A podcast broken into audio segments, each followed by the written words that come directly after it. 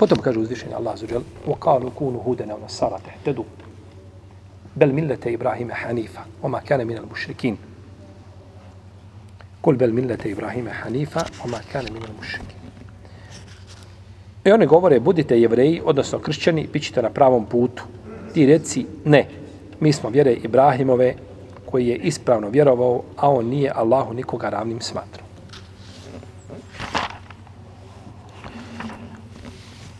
I govore, budite jevreji ili kršćani.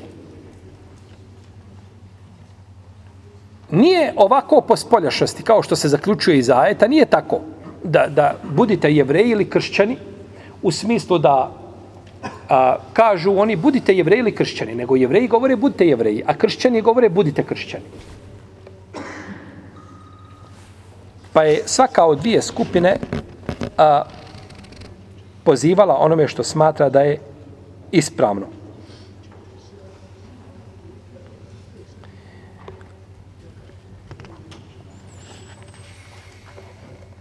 Pa je ovdje onda poslanik sa osvam odgovorio im odgovorom nakon koga nema više replike i odgovora.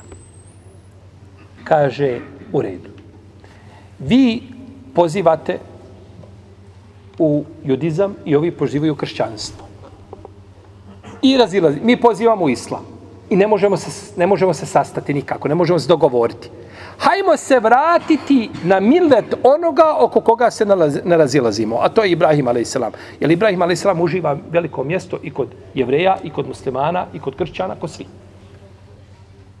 Hajmo se vratiti Ibrahimu a.s. i da slijedimo njegov millet. I taj izazov je prisutan od vremena poslanika, sasvim do današnjih dana. I ostaće tako do sudnjeg dana. Hajmo se vratiti na milet Ibrahima, koji je bio čisti morteist.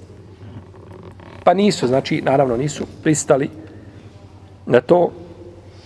Čak je došlo kod Ibn Bihatima Razija u njegovom tefsiru, da je Abdullah ibn Surija a Elawar rekao poslaniku, sa osaname, kaže, o Muhammed, uputa je, kaže, ono na čemu smo mi. Kaže, budi jevrej, pa ćeš biti na uputi.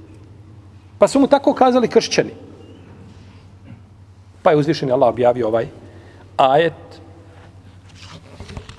koji smo spomenuli.